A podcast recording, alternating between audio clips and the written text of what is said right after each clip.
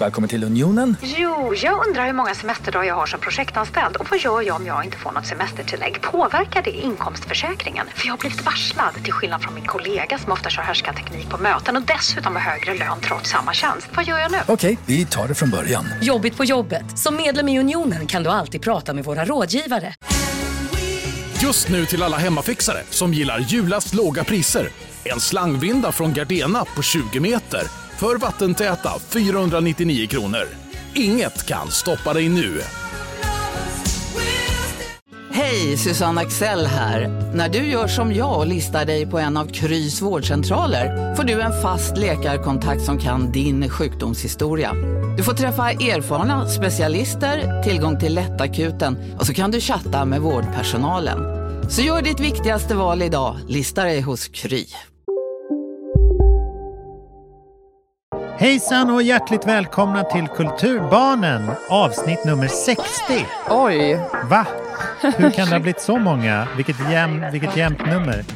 Med mig eh, konsertarrangören, producenten och musikern Pontus de Wolf. Oh, och, Ida Thyrén heter jag, journalist och författare. Eller jag är inte så mycket journalist just nu, men ibland är jag journalist. Um, välkomna till vår podcast. Väck mig imorgon så kanske jag är journalist. Det är den titeln på min memoarer. Ja, hjärtligt välkommen. Eh, vad roligt att, eh, att prata med dig. Det är lite fördröjd eh, Ja. podcast den här veckan. För att jag Ja, och och jag tyckte vi kunde ha lite semester också. Eh, ledigt. Mm, så det blev bara så Ja. bra. Men hur kul var det att ha... hur kul, Nej, hur kul det var, var, det att ha det var inte för oss. Vi testade någon dag där. Det var inte för oss. Hur gick det nu att jobba, Pontus? Berätta mer om ditt jobb. Och det gick bra. Eh, den här veckan, jag, jag märker att mina titlar från vecka till vecka liksom eh, switchar lite mellan vad Ja. jag har sysslat med i veckan. Så den här, den här veckan presenterade jag mig som konsertarrangör för att det var färskast Mm. i minnet. Eh, apropå kulturbarn så är det ett helvete för eh, liksom våra barn att berätta i skolan vad deras föräldrar jobbar med. Ah. För att det är så himla spretigt. Ja, det är nog värre för dig. Ja, ja, jo, visst. Nej, men det, det liksom bryts ner i saker. Jag vet att Lynn brukar säga så här, ja men på morgnarna poddar de ibland. Mm. Eller min mamma brukar ta bilder. Ja. Eh, eller min pappa brukar spela piano hemma. Eller så här, bära sladdar. Ja, och i, exakt. Ibland är jag med om på jobbet, då äter vi hamburgare. Det kan också vara en arbetsbeskrivning. Ja, men då är ju titlar, titlar är ju bra skapta för att liksom förhöja status i ett arbete. Ja. Så det, men jag har inte riktigt fått någon titel. Det är det här kulturarbetare bara. Som liksom är samlingsbegreppet. Musikarbetare. Alltså jag tänkte på när man, ja, nej men när man, när man bytte ut så här städhjälp till eh, eh, lokalvårdare till exempel. Mm. För att liksom Höja statusen. genom en titel. Men anyway, konsertbokare. Jag, eh, jag gjorde ju mina näst sista gigs på eh, Stelor på Gotland eh, innan jag ska åka hem om en och en halv vecka ungefär. Och det var två kvällar med Sara Klang Mm. och band. Trevligt. Ja, det var så perfekt. Alltså, och det var, nu har liksom den här sommaren har gått jättebra. Eh, det har sålt slut till kapacitet varje Nej, kväll. vad så att det har varit kul! väldigt så här, Ja, tack, tack. Och det, det handlar ju om 200 pers, så det är ju, det är inte lika många som det kanske är på andra ställen. Nej, men, det är mycket har som står varit- på spel som vi har i avsnitt- avsnittet som handlar om eh, ekonomi bakom spelningar och sånt vi hade för, för ett tag sedan. Just det är mycket som står på det. spel om det inte säljer slut så det är plötsligt att du går back för det och får stå för det själv. Så det är ju rätt stor skillnad tänker jag. Ja, men eller hur? Man ska ju både vara beredd att liksom ha råd att gå back, eh, men även sådana här grejer som en detalj som jag har glömt att nämna, tror jag, är att så här, som kon- konsertarrangör så betalar man ju alla gager i förväg. Visste du det? Nej, det hade jag inte tänkt på alltså. Det är alltså inte som när du och jag är DJs, att vi fakturerar efteråt och sen kanske får betalt några månader senare. Utan det är att man, ehm, de allra flesta bokningsbolag kör med att man ska betala fakturan tio dagar innan spelningen. Så att de, de står säkra oavsett hur, hur biljettförsäljningen går. Jag kan bara "Nej, tänka mig att man- kom, eh, och så." Precis, för att det, jag är ju ändå bunden att betala såklart, men man kan ju fördröja det och låta bli att betala eller gå i konkurs i värsta fall och sånt där. Eh, så de vill ju vara säkra. Så det är ju en grej man, man måste tänka på. Säg att jag har en, om man, om man vill bli konsertarrangör eller tycker att, att det verkar enkelt på något sätt, så är det ju också sådana där grejer som att så här, okej, men då, då har jag den här artisten som kanske tar 100 000 kronor i gage som ska spela två kvällar och, eh, och så är det moms på det. Det är sammanlagt 250 000 som man så här, ligger ute med. Ah, shit. Det kan vara en bra grej att tänka på om man till exempel vill skapa en konsertsommar. Att så här, har jag, måste jag ta ett banklån på en miljon för att kunna betala gagerna? Ja, Ah, det är massa shit. sådana där fallgropar liksom. Som det, jag, jag visste inte om det första gången jag, eh, jag skötte den här konsertsommaren för några år sedan. Så att då fick jag ta ett banklån. Är det så? exempel. Du tog ett lån?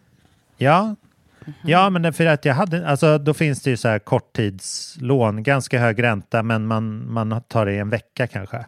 Men det är bara för att liksom kunna betala en faktura. Skitsamma, det är massa sådana där grejer man måste tänka på inom arrangemang. Men det här var i alla fall inte det jag skulle prata om, men eh, utan att det blev väldigt, väldigt eh, bra. Åh, Bara. vad kul! Ja, vad kan du om, eh, vad, vad tänker du dig en, en Sara Klang-spelning var egentligen? Du pratade ju om det liksom här, koll. Jag, du pratade om det här förra Ja. sommaren, när vi spelade in podden förra sommaren, pratade du om Sara Klang, Klang just. mhm. Eller du har pratat om det tidigare Just i podden, det. och det är ungefär det jag vet. Så att, ehm, Mm, mm. ja, jag tänker mig att hon sjunger och jag vet inte, spelar hon instrument kanske? Gud vad jag inte vet någonting. Du får berätta. Hon spelar luftbas när hon, medan hon sjunger. Det är väldigt sympatiskt. Så hon är liksom med, med i svänget. Ah, nice. Nej, men jag, jag skulle säga att det är lite så här eh, folk och country-vibben, fast mer country kanske. Eh, på engelska och så är det väldigt så här sad girl eh, aktigt. Det är imponerande hur varenda låt handlar om så här hjärtesorg på något sätt. Oj. Ehm, jag, jag tycker det är väldigt uthålligt och konsekvent och beundrar det. Hon har släppt tre, tre skivor nu och varenda låt handlar om det Oj. på något sätt. Liksom. Ehm, men det blir liksom inte tjatigt. Det är väldigt starkt. Jag försöker tänka nu om jag skulle ens kunna uh, skriva en låt om hjärtesorg. Alltså jag tror inte att jag har det så nära till hands, den känslan. Nej, Det är inte så där en känsla som jag tänker på så ofta. Men, Nej. men är det självupplevt då, eller är det bara att hon gillar den viben? Typ? Alltså på, det, det roliga med henne är att jag förstod texterna mycket mer när jag ser det live. För vi har nämligen pluggat hennes skivor på vår eh, lilla resevinylspelare här hela sommaren. Det är så bra. Alltså, så fort man köper en liten vinylspelare så lyssnar man ju på samma musik hela tiden. Jo, det är klart. Så vi har liksom vi har bara soundtrackat Sara Klang, Simon Garfunkel och så lite min egna jazzskiva. Eh, Varningsfinger dock, Simon Garfunkel-skivan smälte Nämen, för att vi hade spelaren ute i solen. Så att den blev så här vågig. Och då, gör, då åker nålen som en så här motocross-motorcykel. Och gör så här hopp, hopp över dalarna. Det blir väldigt spretig eh, liksom, Oj. musikupplevelse av det. Så vi, nu lyssnar vi bara på min skiva och Sara Klang. Och vad heter din skiva? Eh, men anyway, eh, jazz, eh, vad heter den? Swedish Songbook Series. Eh, den senaste på mitt bolag, Jazzagenturen. Finns även på Spotify. Mm. Ja, det var det. Du, du, du, du. Ja, svenska låtar i jazztappningar. Underbar. Ehm, och så var det med det, men det är ändå någonting med en liveartist när hon liksom gestikulerar sina texter så blir det som ett slags här, teckenspråk så att jag så här, så att man, hon, hon kan liksom accentuera vissa ställen i texten som är viktigare. Eller som jag kanske inte har tänkt på. Så att som när hon gör, hon, hon har någon textrad som är så här, eh, så här varför, varför slår mig allt vackert med en, så här, ett styng av sorg? Typ? Varför känner jag sorg varje gång jag ser någonting, varje gång beauty hits my eyes? Eh, och då så, så, här, så, så gör hon en gest mot ögonen. Som att liksom visa att så här, det, här är den, det här är den viktiga punkten i den här meningen. Liksom. Eh, så det blir liksom en, som en så performance i, i själva liksom det visuella också. Som jag hade liksom, jag har inte tänkt så himla mycket på det nu under pandemin för att jag har inte sett någonting live. Jag har ju liksom bara lyssnat på musik. Men det där kan vara en så här spoken word-grej som att så här, varje gång man så sjunger heartbeat så slår man sig på bröstet eller liksom att, att man gör så här grejer med kroppen för att beskriva orden. Sånt är hon väldigt bra på så att man liksom får en textupplevelse också under konserten. Vilket jag tycker det är inte, det är inte svinvanligt, särskilt inte när folk sjunger på engelska. Alltså, jag har också varit på en uh, spelning under den här tiden och det var med ett uh, lite annan genre. Det var ett met kan man säga, typ lite metalband kanske man kan kalla det. Metal, uh, Ah, core, roligt. emo. Och det är min kompis Charvin som sjunger. Han lyssnar också på podden, så hallå Charvin. Um, men eh, det är ett gäng Mm. med, hela bandet är kompisar till min kille och numera kompisar till mig, så jag känner allihopa. Och de är jätte, alltså, de heter Pass Through, alltså Pass Through. Eh, och de Ja. är helt sjukt duktiga. Alltså det är så här, alla är jätteduktiga musiker som spelar i bandet. Alltså gitarristen, trummisen, man är så här, oj, typ min, alltså, min kille, eller någon som spelar gitarr som jag känner bara, jag kommer aldrig mer spela gitarr efter att ha sett det här. Alltså de är så duktiga. Och det var så här, max, alltså max 50 personer i publiken. Det var ute på Gula Villan som är så här punkspelare, spelningsställe ut, ute, utanför Stockholm. Ehm, så det är så här, max 50 personer. Just det. ehm, vet, så här, kulturförening liksom. Är det där i Täby? Det ligger i handen. Nej. Handen Jaha, Stockholm. nej, då hade jag fel. Mm. Det finns två Gula Villan, det finns också en i universitetsområdet som heter Gula Villan som också är spelningar. Men det här är ännu mindre ställen. Ehm, Just det. och Ja. i alla fall så... Vita huset var det som Aha. låg i Täby där jag var Okej. på hardcore-konsert. Ja. Ehm, I alla fall så, då, det var samma sak där då. Sharvin Ashrafi som sjunger, som är min kompis också, han är ju otroligt karismatisk. Alltså han, jag förstår inte riktigt vad de säger, men att det är så här, "Wah, wah, wah", det är typ texten.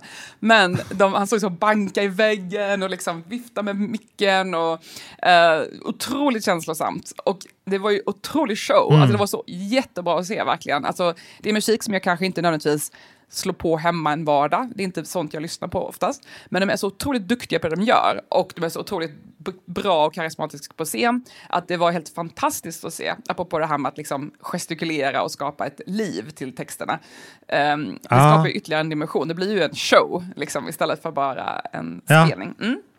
Så det var fantastiskt kul. Verkligen. Faktiskt. Ja, men gud vad härligt. Var det, var det det som Gabriel arrangerade? Eller? Nej, han ska, sp- eh, det kan man gå på. Det är på lördag har han ju releasespelning med sitt band, Speedway, hardcore-band. Eh, De har release, Just release-spelning på Cyklopen i Högdalen i Stockholm. Också lite så här punk, eller så här, punk, punkställe kan man säga. Men alla är välkomna. Jag tror det är gratis under 20. Eh, Man vill komma. Fasen, vad, vad underbart. Jag längtar verkligen tillbaka till Stockholm ibland. Ska gå på spelningar. Mm.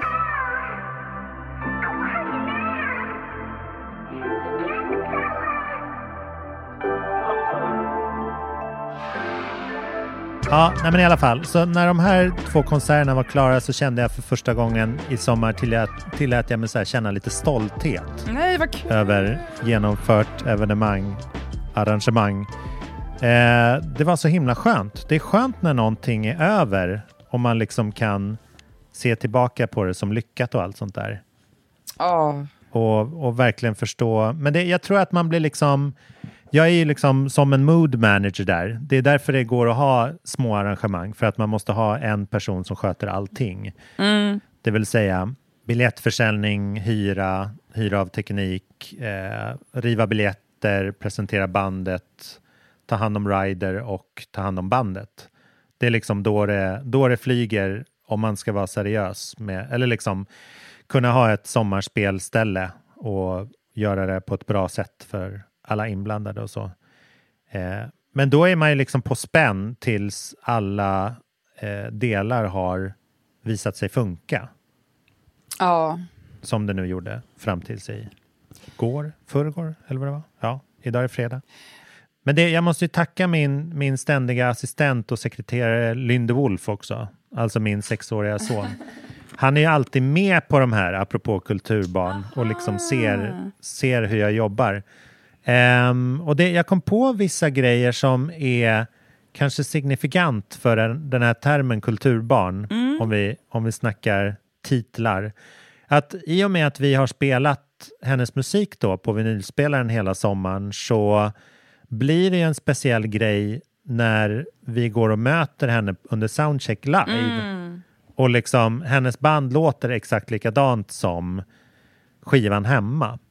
Just. Som han liksom kan och, och gnolar och sjunger utan till till och sådär. Ehm, att han får liksom en så direkt förståelse för hur det, hur det hamnar på en platta. Eller hur det hamnar i hans playlist på Spotify i bilen. Att så här, hur, hur, hur blir alla de här lätena liksom? Eller hur, hur kan man snarare så här dekonstruera det man hör på, på en släppt låt till så här instrument och sång? Sånt är väldigt svårt att fatta även för liksom vuxna människor som inte sysslar med det. Så här, vad, är, vad 17 är det jag hör? Som jag hade någon, alltså jag har kompisar som så här inte, inte liksom vet vilket instrument som är bas till exempel. I, I ett rockband. För att det är så här, nej men jag hör bara en liksom grå massa av Ljud liksom. eh, ljud. Ja. Och folk som är specialiserade på band, de hör ju bara en grå massa i en orkester till exempel. Det är Just liksom... det, man har inte exakt vilket instrument det handlar om. Nej, precis. Och liksom slutresultatet är ju format för att bli en grå massa och bara ett liksom så här strömmande intryck. Så att det, jag förstår det. Men där kunde jag visa honom i alla fall så här. Ja, det här är mixerbordet. Här är, här är alla instrumenten en och en och liksom här gör de här ljuden det och det och så blir det liksom en gröt. Så jag tror att den det liksom försprånget är väldigt signifikant om man pratar om så här lära sig kultur i tidig ålder. Ja, exakt. Jag tror det, alltså vi pratar om kulturbarnen, för som ny, nya lyssnare så är det lite så här tongue in cheek. Pontus är ju kulturbarn, jag är ju inte kulturbarn. Jag märkte nämligen att ehm, av någon anledning så, jag googlar ju inte mig själv, men av någon anledning så hamnade jag på Google på någonting med mitt namn, jag kommer inte ihåg var- varför. Och då kom det upp så här, Ida Thirén föräldrar var en av de första sökningarna. Och jag var så, Aha. Ja, det, jag Ja, förstår ja. att man kanske tror att jag är kulturbarn för att jag liksom har den här podden, men jag är ju absolut inte något kulturbarn, utan mina föräldrar ehm, är ju lärare på låg och, låg, Mm. lågstadiet och gymnasiet ehm, i Värnamo. Så det skulle jag inte riktigt definiera som kulturbarn. Men ehm, däremot så kan jag tänka mycket på det här, alltså när, man, när jag först började tänka, inse då, när jag växte upp och insåg, aha, det finns människor som verkligen är uppväxta med det här, som tar det här för givet, kulturen som jag verkligen så strävar efter. Då tänkte jag också mycket att det var, var kontaktnät som var det centrala. Och det är det ju verkligen, att man, har, man känner folk och man, ja, ah, klart vi ska hjälpa hennes eh, son. Liksom, det är ju blir så här, tjänster och gentjänster liksom. Klart att jag kommer hjälpa Lynn, Ja. Lynn vill skriva en bok kommer jag ju såklart träffa honom och hjälpa honom med det. Alltså så är det ju bara. Men ehm, Precis, ja. Ehm, för att jag har den kontakt och ingången liksom. Och det självförtroendet är väl egentligen det viktigaste här. Att man har liksom den här eh, kä- självkänslan, att det, Ja. är något som man kan göra. Men en tredje faktor är ju verkligen det här som du beskriver, att man faktiskt Ja, man förstår hur det funkar bakom scenen. Det är inte bara en bok som uppstår från ingenstans, det är inte bara en spelning som uppstår, utan Mm. hur går det till när den uppstår? Så min dotter, hon säger så att skriva liksom varenda dag i sitt liv. Och hon sitter ju där och skriver sina böcker. Och när vi träffar på andra författare, typ häromdagen träffade vi på Johanna Lindbäck som är b- ungdoms, un, skriver mycket för unga vuxna och eh, ungdomar. Och Mm. Hon bor i närheten, vi träffar på henne ibland. Och vi pratade lite grann och jag bara, ah, har du, då Jane som tänker att vi är kollegor. Så här, jag bara, ah, nu är vi tre kollegor här. alltså hon ser redan på sig själv som att så här, ja men jag skriver ju också böcker. Så här, ah, vad kul. alltså hon har det självförtroendet och Wonderful. den självklarheten i så här, ja men vi skriver alla böcker. Ja. Liksom. Det- är ju ganska s- många som inte har det självförtroendet, eller som tänker att det är någonting man kan göra, eller förstår hur det går till, och, eller, eller känner en författare. Ja, eller, liksom. tänker att, eller tänker att det är fult att säga. Liksom. Ja, men det kanske kommer sen. Att det har nog inte ska väl jag. Det har nog inte fattat ännu, det kanske kommer sen ändå, det vet jag inte. Men... Nej, nej, nej, det var inte så. Det var inte... jag försökte inte kränka dig. Jag försökte...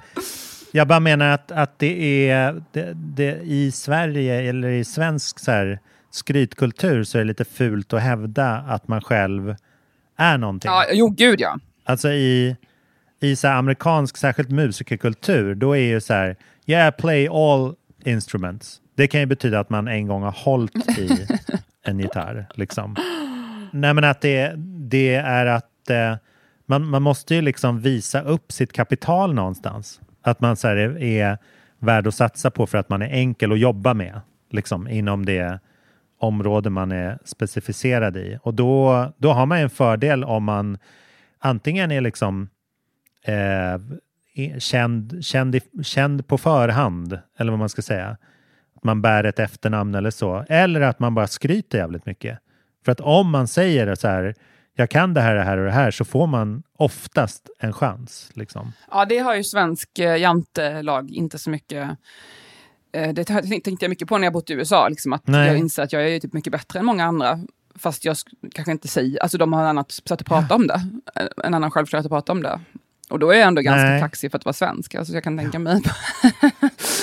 Men ja. Um... Men jag fick den här, jag, jag, fick upp ögonen lite för det och tänkte att jag skulle lära honom lite mer, eller vara så här uppmärksam Just. när han är med.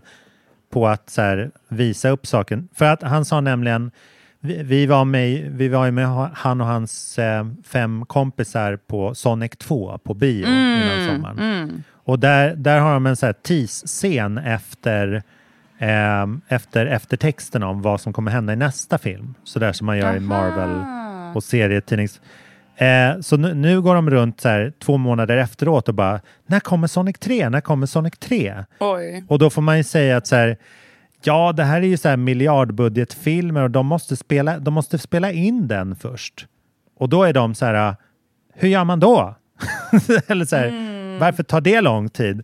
Och då får man börja så här nysta ut så här, ja, först så är det någon som ska så här, låtsas vara Sonic. Eller liksom, där, där går jag, jag kan mycket om film, men jag kan inte beskriva det lika lätt som så här, hur man spelar in en skiva. Mm. Men att de, där har ju de ingen så här, förståelse för skap, skapandeprocessen i liksom en långfilm av så här Hollywood-budgetnivå. Nej, det har osyn. Så där, nej, precis.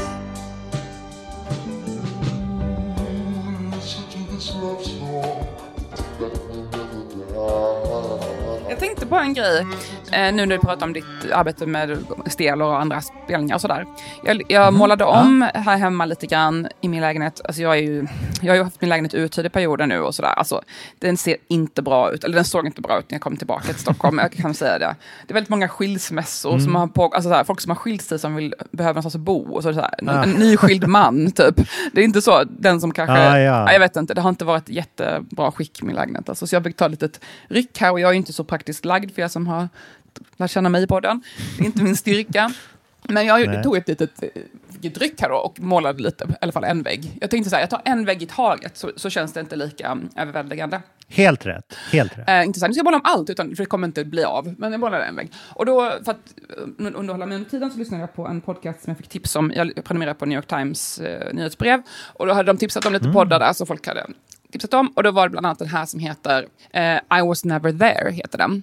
Och jag mm. eh, är inte så insatt i den här true crime-genren. Det är ingenting jag är intresserad av att lyssna på lite på. Jag vet att det är väldigt populärt. Men mm. det här är lite så true crime adjacent kan man säga. Det är alltså en eh, mor och dotter som växte upp i en väldigt så hippie kommun typ i, mitt, i, mitt i USA, mitt på vischan. Mm. Och de hade en, byggde upp som en liten hippiestad där, eller ett community, men väldigt mycket så här, eh, egna regler. Eh, så back to the land movement hette det, liksom. man ska börja odla, man ska komma tillbaka, så lite gröna vågen-känsla. Snackar liksom 60-talet. Mm. Mm. Eh, och mamman kommer ut som lesbisk och liksom skiljer sig från pappan och de eh, är väldigt så, röker mycket gräs och liksom sådär. Och då är det, beskriver de en person som är väldigt central i den här lilla communityt, som också startar en uh, musik eh, plats, eller music venue, där allting kretsar kring, alla träffas och samlas, en bar, liksom, när vi spelar så här, eh, skitstora band kommer dit och spelar, och, för det blir som en väldigt populär plats att vara på. Och, men sen försvinner den här oh. kvinnan, hon blir, försvinner en dag och det är så oklart vad har hänt med henne. Och de lyckas inte reda ut det heller i podden, men de försöker liksom ta reda på och då inser att det är mycket mer till historien som de inte visste om. Det finns mycket mer att ta reda på i den här berättelsen än vad de visste om den här som de trodde nära vännen till dem. det kan jag verkligen tipsa om om man lyssnar på engelska. Alltså I was never there. Otroligt bra och spännande. Um, men just det här grejen att ha den här platsen där man samlas och det kommer band som åker så långt out of their way för att de vill spela just där. För de vet att här är det fett, här är det nice, här blir jag bra mottagen, här är det en bra publik. Det tänker jag, mm. det var också en lite, dels var det liksom syntband och punk, men det var också punk, tidiga punkband och även lite så Grateful Dead-stilen. Så alltså det var väldigt många olika sorters subkulturella band som sen blev väldigt stora som spelade där.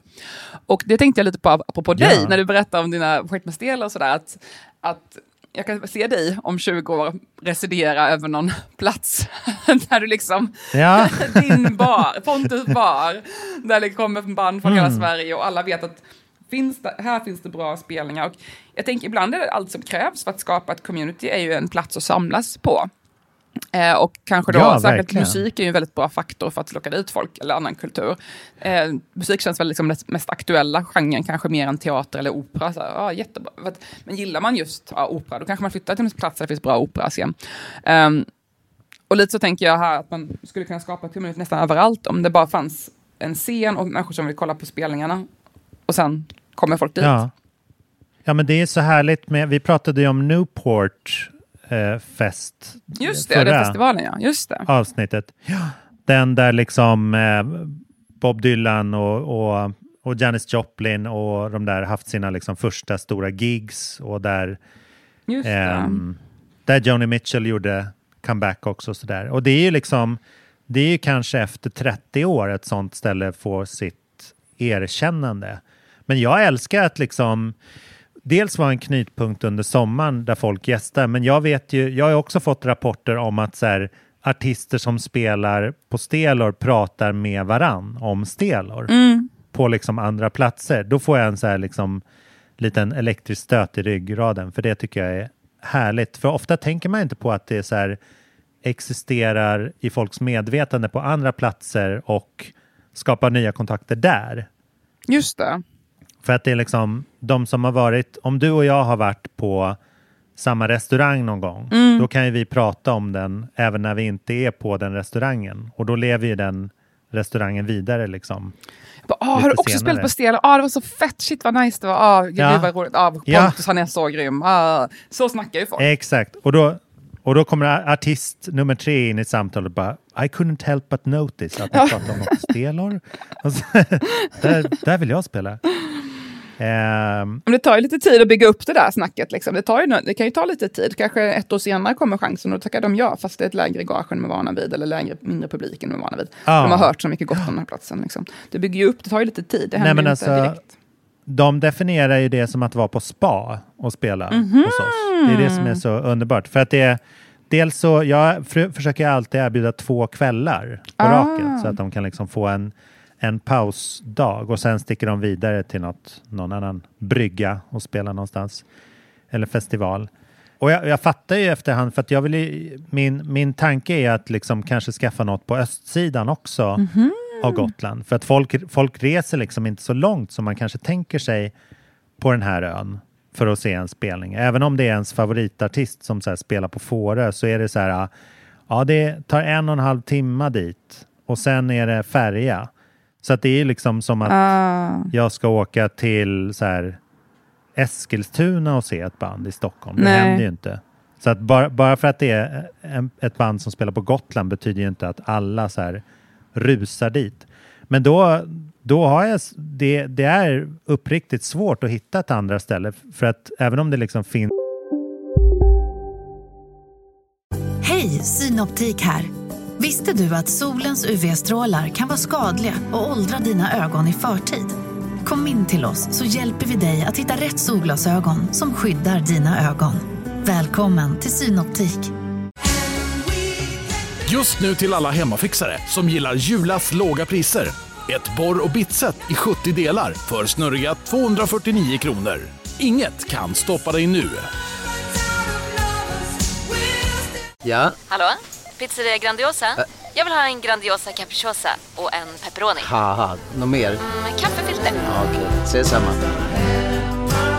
Grandiosa, hela Sveriges hempizza. Den med mycket på. fina platser så är det alltid något så här och så vill vi ha raggarträffar också. Eller så Oj. att det är någonting som så här clashar med att det inte är konsekvent bra. Liksom. Mhm. Eller konsekvent, för jag tror nästan det måste vara det för att kunna vara hållbart i så här tio år. För nu har jag ändå nu har jag jobbat med det här liksom i mindre eller större skala i fem år och ser väl framför mig att det ska gå att köra i, i många år till. Mm. Du tänker så alltså, långsiktigt. Long game. Ja. Men det tror jag är klokt om man tänker så lång game. Så tänker jag dels med mina böcker, att så här, man tänker att ah, men jag kommer väl skriva ett, en, ett gäng böcker. Okej, men jag, jag, jag är nu så här gammal och kanske kommer skriva böcker i 30 år till, kanske 40 om jag har tur. Ja, hur många böcker kommer jag hinna Mm. skriva? Ja, kanske en varannat år. Då har jag max 20 böcker i mig. Vad vill, hur vill jag skriva de böckerna och vad vill Ja. jag folk ska komma ihåg liksom, när jag dör? Och det är lite så får man ju tänka. Ja, man ska ja. hålla på, alltså, kanske inte passa alla, men så tänker jag. Och även typ så här, nu ska jag till Way Out West nästa vecka. Jag kommer göra en eh, rapport i podden om Way Out West nästa vecka. Eller det blir kanske inte... Åh, gud vad trevligt! Eller vänta lite, det är torsdag vi spelar. Nej, det kanske inte hinner då, men vi får se. Nästa, nästa vecka kanske jag gör en rapport. Ja, ja. Ehm, och det är också en sån här grej, jag har inte varit där på, sen min dotter föddes, jag har inte varit där på tio år, men jag har ju jättemycket bra Mm. tankar och idéer och är skitpeppad på att åka dit för att jag har varit där förut. Det är också så här lång grej, man gillar att det funnits tidigare och att man kan återvända dit. Och det finns ju en, ett värde i det, att man liksom får den här känslan av, det här brukar jag alltid göra på Way Out West, typ så. Ja, men verkligen. Gud vad trevligt. Vad, vad sugen jag blev. Eller det... Häng med! Nej, men jag har ju läst eh, liksom, rubriker om Way Out West i flera, flera månader såklart. Men det hjälper ju alltid när någon så här, kompis säger jag ska dit. Just det. Då blir man alltid mer FOMO. Då blir det liksom. verkligt. Eller det är typ, det är typ nu jag så fattar att det existerar på riktigt. Nej, men det, är- ja, det är ju tyvärr en, två utsålda Ed Sheeran-konserter samma helg som Way Out West. Och Skojar du? Ja, och det är lite, det är lite så, man konstigt. blir lite så ny, nyfiken typ. De här människorna känner ju varandra som arrangerar grejer, så man är lite så här, hmm, okej, vad hände Ja, här? Typ. ja. Vem kom på den här idén? Men jag ska inte uttala mig om interna grejer där, men det är lite spänn, spännande sammanträffande att det är samma helg. Ehm, I alla fall så, så det har ju lett till att det är en total kaos när det kommer till hotell i Göteborg. Jag försökte boka hotell för Mm. flera veckor sedan och det var redan helt slutsålt. Det fanns liksom bara enstaka rum för så här 10 000 kronor per natt typ, kvar och det var några veckor sedan. Herre. Så att det, vi får se Ja. lite hur det blir. Alltså det är väldigt svårt att hitta boende. Jag ska bo hos min bror. Det var min lösning. Um, Mm. Jag och min kille då. Men ja, hotell i Göteborg, det kan, kan man nästan glömma. Två utsålda Ed Sheeran-konserter samtidigt. Ja, för det ska ju sägas att eh, Way Out West är ju lite en så här hotellberoende festival. Det är ju inte sådär tältområde Nej, exakt. som det var när vi var, när vi var unga. Precis. Ja, vad fascinerande. Mm. Göteborg är känsligt för sånt där, liksom. Ja, Vad heter det? Stora konserter och bokmässa och exakt. liksom. Ja, det var lite tråkigt tycker jag att det blev sådär. Men jag hoppas att folk ändå hittar Mm. dit. Jag ska i alla fall bo i min brorsas gästrum på en uppblåsbar säng. Så jag har ju redan Perfekt. väldigt mycket sömnproblem. Ni har, kanske, som ni kanske hör på den så är jag lite nyvaken idag. Eh, jag har legat, då, är så här, jag sov till tio, men när jag säger, säger att jag sov till tio, då betyder det att jag sov till klockan tre, så låg jag vaken två timmar. Så sov jag till klockan sex, så låg jag vaken en halvtimme. Och sen Ja. sov jag till tio. Så att jag har egentligen inte sovit mer än åtta timmar fast jag bara uppstyckat. Och det här har jag haft problem nu i tio år, att jag ligger vaken och grubblar på nätterna. Så det är ett nej. väldigt jobbigt problem jag har. Varenda natt har jag detta problemet. Så att jag måste liksom planera min sömn. Att jag måste liksom vara i, ska jag få åtta timmar sömn behöver jag liksom vara i sängen i tio timmar. Vilket jag typ aldrig är. Ja, jag fattar. Eh, Så jag, brukar alltid, jag är typ kroniskt trött, känns det som. Ja. Så det är lite jobbigt faktiskt. Men eh, i natt fick jag i alla fall sova åtta timmar. Bara tyvärr. Det tog lite längre tid än åtta timmar. Annan tidräkning. Vill du ha ett tips? Ja, gärna. Nej, det var en kuggfråga. Det vill du inte ha för Nej, att folk har säkert precis. gett hundratals. Nej, men jag, jag pratar inte så ofta om det faktiskt. Jag har inte fått så mycket tips, jag brukar inte prata om det så mycket. Men det tog mig ganska lång tid att förstå att jag hade sömnproblem. För att det, det har pågått så lång tid. Alltså det började med att jag fick barn och det är så här, då är man van vid att man blir väckt på natten. Ja. Och sen fortsatte det här och sen började min dotter sova bättre och bättre och jag fortsatte sova dåligt. Så att Mm. liksom, jag, jag tänker alltså, ah, men det är bara nu för så mycket stress just nu. Och det är så mycket oro, jag oroar mig för det här. Och, ah, nu oroar jag mig för valet, nu oroar jag mig för skolsystemets upplösning. Alltså, Ah, ja, och sen tänkte jag, ja. ah, men så fort det här löser då kommer det bli bättre. Sen bara, aha, men nu har det inte blivit bättre på tio år. Nu, är det ju, nu har jag ju ett problem. Mm. Eh, Då, då, och sen så vet jag ju att ja, sen kommer klimakteriet, får man sån problem av det. Så det känns inte sådär ljust för framtiden när det kommer till min sömn. För, för ofta får man ju sömnproblem vid Nej, klimakteriet. nej, nej. Så, Ja, det var kul det ska bli. Ja. Men jag har hittat ett knep nu sista tiden. Um, jag har alltid varit lite så rädd för att plocka upp mobilen. För jag tänker så här, ja, men då blir jag bara pigg av det. Men nu när jag Mm. har börjat inse att ja, men jag ligger ändå vaken i en till två timmar. Så det kan jag lika gärna göra någonting. Och då har jag börjat göra saker som är ganska ansträngande för hjärnan. Alltså antingen spelar jag ett ordspel som heter Wordscapes, som jag är helt besatt, av. Eller så, eh, det är så här, möblera om ord till, man ska hitta ord liksom. Eh, så här ordfläta. Ja. Eller så sit, ligger jag och redigerar min bok. Um, känd från podden. Eh, mitt bokmanus Ja. eh, i, då, i det här pdf-programmet jag använder. Så det är ganska krävande för hjärnan, så då brukar jag bli ganska trött efter kanske en kvart redan. Mm. Och så kämpar jag på lite till Ja. tills jag är så trött att jag, alltså, nu jag släcker så kommer jag somna. Ehm, och ibland funkar det faktiskt, ibland ligger jag vaken ett tag till ändå, men jag blir ju trött, man ställer ju om hjärnan lite grann så får jag ligga och älta grejer. Så det, det, det är faktiskt ett ganska bra... Ja. Man kan ju också tända lampan och ligga och läsa och sådär, men då måste man tända lampan och så här, det blir ytterligare en, jag vet inte, jag är lite... Ja, och så måste man vara liksom singel för resten av sitt liv. då. Ja, det är Om också man ska det. tänka just long game. Om man ska sova Jag bredvid måste någon. verkligen... Ja. Jag har, min, min taktik är jag måste liksom alltid vara dödstrött när jag går och lägger mig. Annars vaknar jag kanske fyra fem och kör på från dess. Ja, det är så?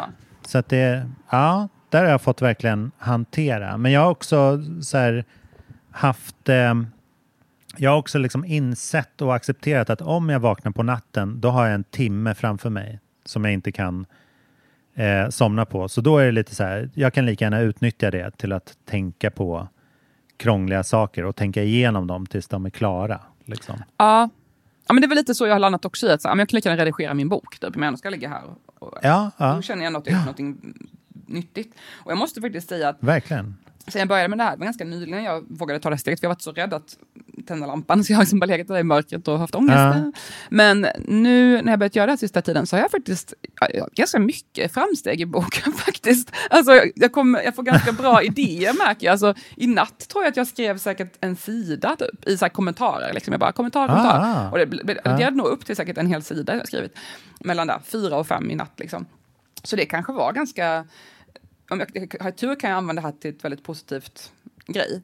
Men eh, Mm. det är ju liksom också det här att man eh, man tänker förr i tiden, när man, när, alltså så grottiden, då var det säkert väldigt positivt att man vaknade vid tretiden för att kolla upp, så här, ah, är eh, elden fortfarande igång? Har elden sva- svalnat? Lever mina barn? Jo, är de uppätna av en Ja. mammut? Så här. Det finns ju någonting, och jag vet också att i många kulturer fanns det tidigare så att det var då man hade sin eh, andliga stund. Alltså då hade man sin eh, Mm. bönestund eller sin, liksom, det var som en liten kontakt med Gud den på natten. Liksom. Alltså, det är ju inte det här att vi ska sova åtta timmar i sträck är ju egentligen en kapitalistisk idé.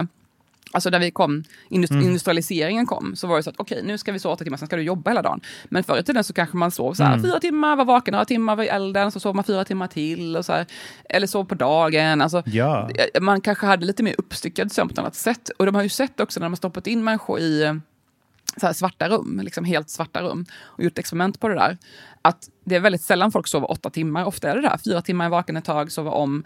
Så det här med åtta timmars sömn, Mm. det är liksom en ganska nutida konstruktion som har att göra med ja, vårt kapitalistiska system i princip. Så att det kan vara en liten tröst Mm. också om andra också har sömnproblem. Men problemet är ju då att jag befinner mig fortfarande i det här kapitalistiska systemet, så att även om min sömn är inte fel, så är det fel i sammanhanget. Så, ja. Ja. I vårt system så jobbar man ju också åtta timmar i sträck. Liksom. Vilket och också är sen har man sjukt. det bara Ja, sen har man det bara bekvämt i princip. Eller sen får man allt serverat genom ett samhälle. Det, Ja. ju inte, det funkar ju inte så om man, om man bor på grottiden som du Nej, refererar till.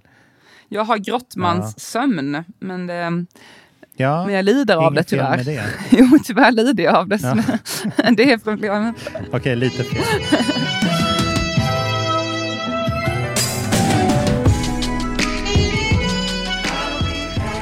Jag har också läst lite diktsamlingar alltså. Ehm, Oj då. Ja, och jag har kommit på att jag vill... Jag hade ju pratat om det här tidigare på att jag tänkte, tänkte sätta mig någon dag i dikthörnan och bara plöja. Det har jag ju nämnt tidigare. Mm. Eh, och jag gjorde det nu. Lånade hem ett gäng diktsamlingar. Det är också bra att låna hem dem, även om man skulle kunna läsa dem på plats, för då får ju författarna lite pengar. Så det är ju också ett... eh, Och lite det, cred, just liksom. Så det, är ju, det funkar ju så. Kanske, inte du, kanske kan vara intressant att veta att om man, har, man, behöver, man får en, typ en eller två kronor per bok, per utlåning. Och man behöver komma upp i, Mm. jag tror det är 2000 x, någonting där omkring, ett par tusen x, för att få ut pengar utbetalt. Aha, du ser. eh, från Ja. biblioteks, biblioteksersättningen. Resten av pengarna går in liksom i gemensam pott. Så många av de här stipendierna jag har fått kommer ju från Mm. pengar som inte någon har fått. Liksom. Men eh, typ Författarfonden Mm. och sånt är också kopplat till det här, att de delar ut pengar som också kommer från den här biblioteksersättningens liksom, utdelning. Och Mm. eh, det är alltså statliga pengar. Och jag... Eh, Ja, så funkar ju STIM, STIM-ersätt, eller heter just det? STIM-stipendier Just det, också. lite så Att som det, är STIM, här, det, det här är pengar vi, som ingen har rapporterat in att de vill ha. Ja. Och jag har ju under flera år haft olika böcker på bibliotek, så här, barnböcker och sånt. Och sen har jag ju nu min... Nu fick, alltså, det, det, det ganska, ligger ligger efter väldigt mycket, biblioteket. Alltså det, det, jag tror att det i oktober kom liksom 2020, oktober 2021 kom 2020 års rapportering. Så att 20, 2021 års rapportering har inte kommit ännu, kommer kanske i oktober. Så att Nej, nej, det laggar efter väldigt mycket för att de här bibliotekssystemen ska liksom samordnas och de pratar inte riktigt med varandra och sådär. Så att det är lite det tar lite tid.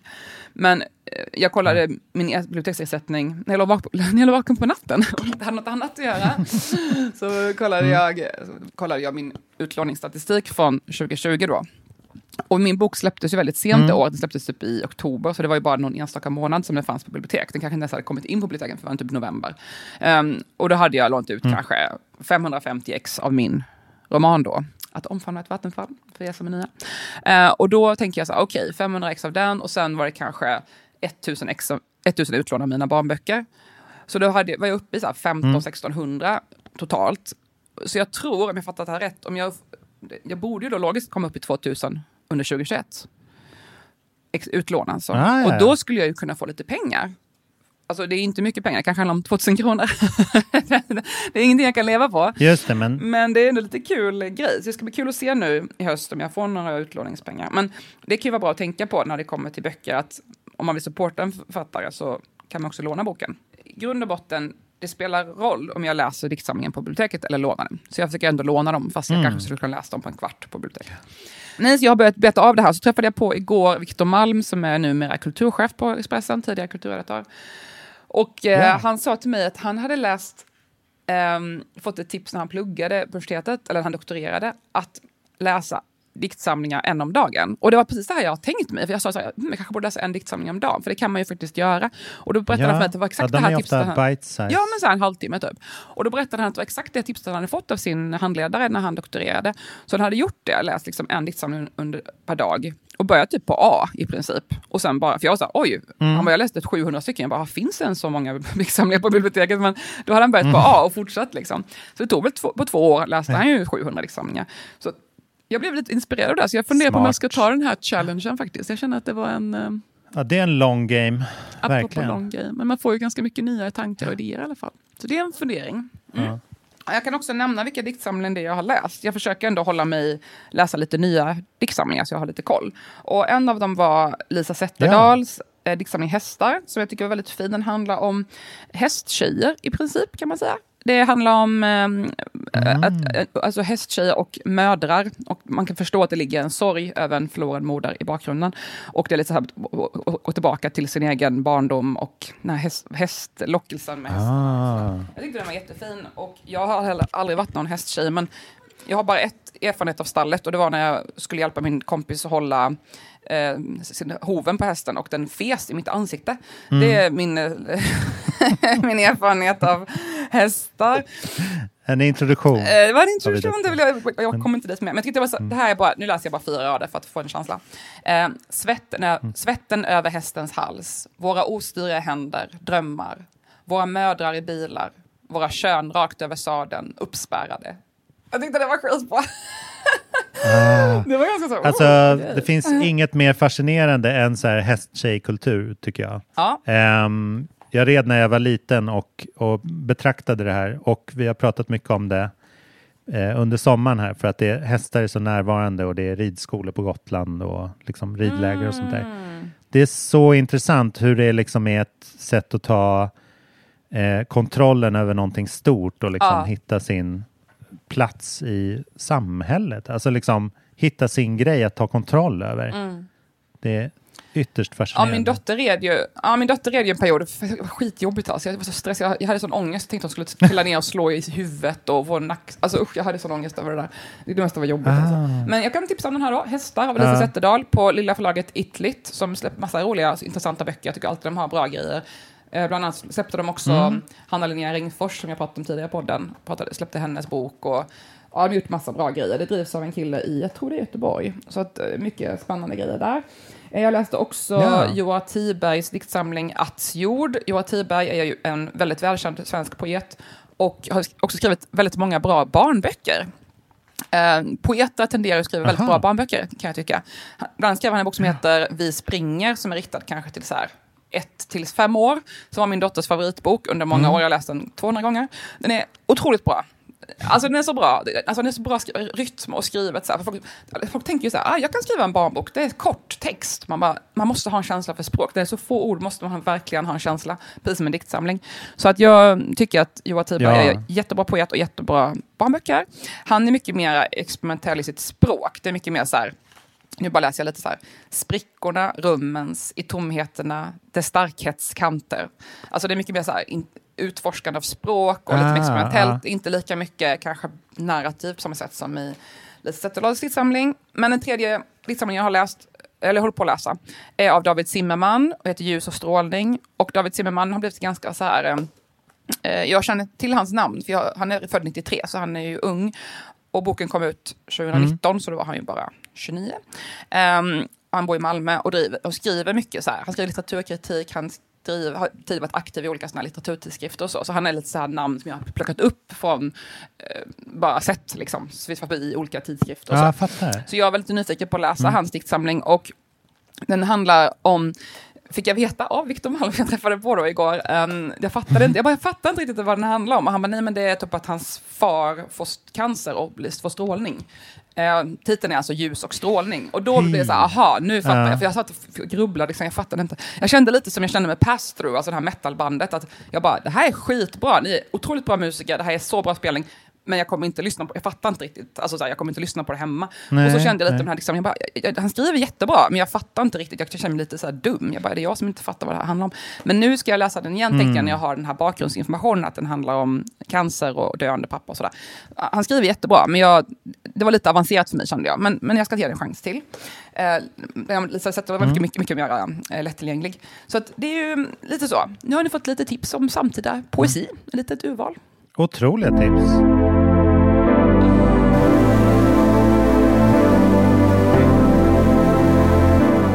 Jag blev väldigt glad över ett stipendium eller ett pris som delas ut idag faktiskt när vi spelar in. Vi spelar in på fredagen, se om vi släpper det idag också. Men eh, eh, Cornelispriset, känner du till det? Nej, eller jag kan gissa. Liksom, det finns inte så många. Jag har mina gissningar. Ehm, ja, det är ett pris som, som då eh, delas ut i Cornelis Vreeswijks namn. Mhm. Startade väl för, eh, han gick bort när han var 50 år på eh, början av 90-talet eller vad det var. Och sen så sattes det in ett, ett stipendium som baserade sig på ehm, inspelade pengar på hans katalog. Liksom.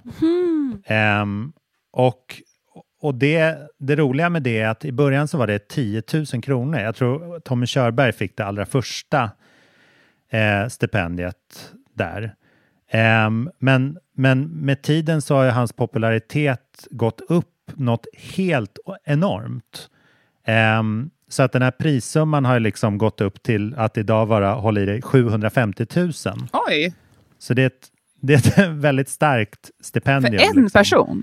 Ja, Vore det inte bättre att dela ut det så till tre Per personer? år. Typ? Alltså, vore det inte bättre att dela ut det lite... Ah, Nej men stadgarna skrevs ju liksom under de okej. eh, under de premisserna då. Och det där var en lite ful historia för att eh, när han dog så var han ju utfattig och eh, hela hans liksom låtarkiv eller skatt och rättigheter köptes loss ganska billigt från hans familj. Så de fick ganska, ganska mycket skruttpengar för, Oj.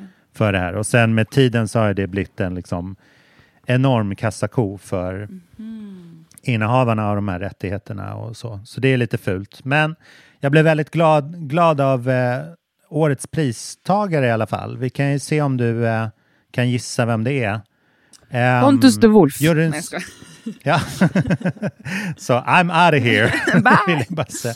Nej, men eh, juryns motivering lyder så här. Eh, vid denna hållplats bytte svenskt musikliv spår och en röd linje drogs mellan då och nu. Eh, Med drömmar hämtade från andra sidan Atlanten grävde kungen där han stod och välkomnade alla till förorten. Vi gick med i Botkyrkan och breven från kolonien satte fart på pennor överallt. Nu vet alla i vårt kvarter. Alla gussar, alla tjonnar. Snubben är inte bara hipp, han är cool, han är älskad och han tog svensk rap ut ur betongskuggan och in i rampljuset. Vad säger det här dig? Alltså, ett, lite pinsam formulering. Det blir för att jag läser det väldigt Ja, men alltså sådär. ingen som skriver motivering till Corneliuspriset borde använda ordet guzzar och um, shunos, men det var bara lite detalj. Um, alltså jag vet faktiskt inte, men jag, det enda rapparen jag tänker som folk så här gillar är ju typ så här, Sebbe Staxet. Det, är bara för att han är så Ja, eh, folkkär, för att han är nykter och pratar om Gud och liksom vill hjälpa folk. Och typ, han är ju alltså, han är tung, jag försöker inte dissa honom, men, eh, men det här med röda linjen, han är ju från Bagarmossen, det är ju faktiskt gröna linjen. Ehm, ja, det är, här kommer kunskaperna in. Ja, eh, så att jag blev... Ja, vi får nog gå ännu längre bak i tiden för att du ska liksom Aha. komma in på den här. Det här är lite som På spåret, känner jag. Det, Ja, vad, vad är vi på väg? Röda linjen. Ja. Nej. Vi får se. Några lyssnare kanske har tagit det. Botkyrka. Doggy Doggelito Oj! är det här. Då. Throwback. Eller Douglas Doggelian. Ja, verkligen. Ehm, ja, nej, men det, jag tyckte ändå att det var ett, liksom, en hedersvärd vinnare, om man ska säga så. Jaha, ja, jag, jag är Eller inte mot- helt insatt i vad han har haft för sig. Men ehm, kul för honom alltså. Shit, han ska säkert få nytta av pengarna. Så det låter ju skitbra. Grattis Doggelito. Ja. ja, men Latin Kings är väl med på Vi som älskar 90-talet-turnén nu, vet jag. Så det, ja, jag tycker det, det är väldigt spännande. Vi får prata om eh, Latin Kings. Jag tror det finns en jättefin P3 musikdokumentär om dem, där man kan Ah, Okej, det kanske jag ska spana. reminissa. Mm. Ja, det vore det. Ni som, ni som lyssnar på hiphop idag borde lära er om Latin Kings. Mm.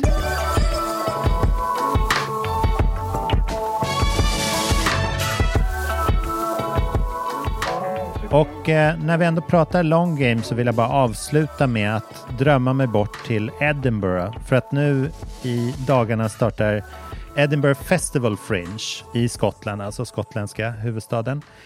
Eh, vilket är en, en teaterfestival som håller på i eh, ja, det inte Fringe en Festival? månad. Heter det inte Fringe Nej, inte Festival? den här. Jaha, okej. Tyvärr inte. Nej. Men jag har fått många efterapningar på andra platser i världen som också har Fringe Festival. Så det har blivit en trend. Jaha. Det finns många andra Fringe. Vad betyder fringe? Ja, det är, alltså fringe of, används ju ofta liksom i the fringe of society, så, så utkanten av samhället. Typ. Men jag vet inte om det är det de syftar på. Jag vet inte var det kommer ifrån. Men jag vet att det har blivit, det finns flera fringe festivals som är sådana här teaterfestivaler. Ja, en fringe är en frans. Ja, ja men det, det är tydligen så, så betyder det utsidan av en stad till Mm, exempel. ja. Eller ett område. Exakt. Ja, ja. Ja. Det blir, vi får ta upp det här. Mm. Men eh, där, där spelas ju, håller det 3500 uppsättningar under de här veckorna. Shit. Så att det är liksom hur mycket teater som helst. Och det, jag tror jag pratade om det här för ett år sedan ungefär. Att det, är liksom, det går inte att gå förbi en dörr i stan utan att det liksom skuttar ut en, en live performer. Alltså det spelas liksom överallt. Nyskrivet och gammalt och på gator och torg. Ja, men jag kollar upp det här nu. Stock, Väldigt Stockholm. Fringe Festival kommer tillbaka nu, 13 september till 17 september i år.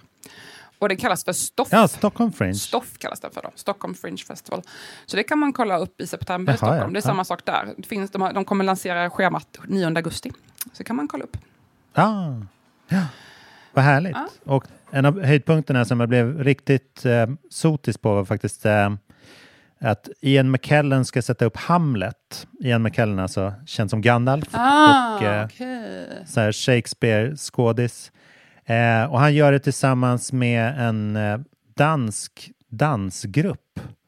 Den här dansaren och McKellen delar på huvudrollen. Så att Ian McKellen är det, är det liksom den muntliga texten och Johan Kristensen som leder det här dans, danssällskapet är liksom ham, den, vad säger man, säga, den, den an, andliga Hamlet som liksom styr sin rollpres- rollprestation genom dans. Det här påminner lite om Drive.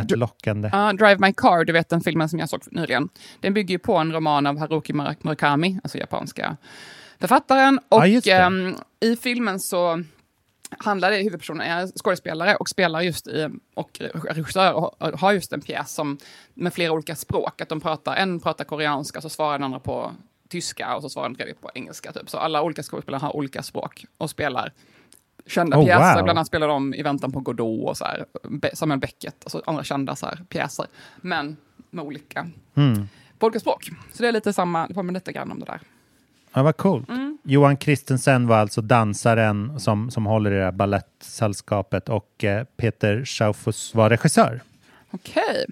Nej men eh, det, nu blev jag sugen på att rida. Mm. Det känns ju verkligen som att man, eh, man, blir, man sitter på en, en tank. Man, man blir liksom ett. Man blir jättestor när man sitter på en häst. Det är verkligen en, en så illusion av att vara någon slags dinosaur.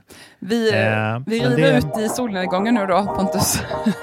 Ja, det är vi verkligen. Det här oerhört korta avsnittet Ja, vi gjorde idag. Hela tre minuter kortare än normalt. Det börjar alltid så att vi säger men det är vi eh, ligger efter. Vi tar en kortis den här veckan. Ja. Men det kanske är lite sådär med att man, som att man sover lika långt varje natt. Lika långt blir ett avsnitt. Ja, Liksom, precis. hur man än vrider och vänder på det. Det måste vara det.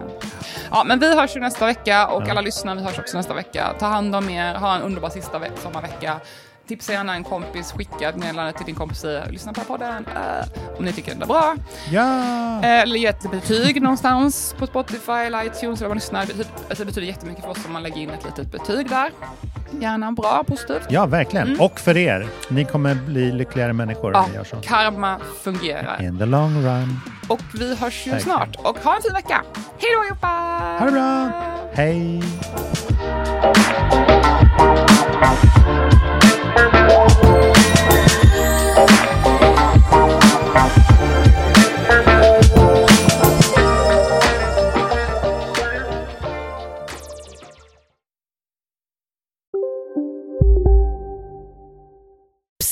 Känner du igen en riktigt smart deal när du hör den? Fyra säckar plantjord för 100 kronor. Byggmax. Var smart. Handla billigt. Upptäck hyllade XPeng G9 och P7 hos Bilia. Våra produktspecialister hjälper dig att hitta rätt modell för just dig. Boka din provkörning på bilia.se xpeng redan idag. Välkommen till Bilia, din specialist på XPeng. Dåliga vibrationer är att skära av sig tummen i köket. Ja! Bra vibrationer är att du har en tumme till och kan scrolla vidare. Få bra vibrationer med Vimla. Mobiloperatören med Sveriges nöjdaste kunder enligt SKI.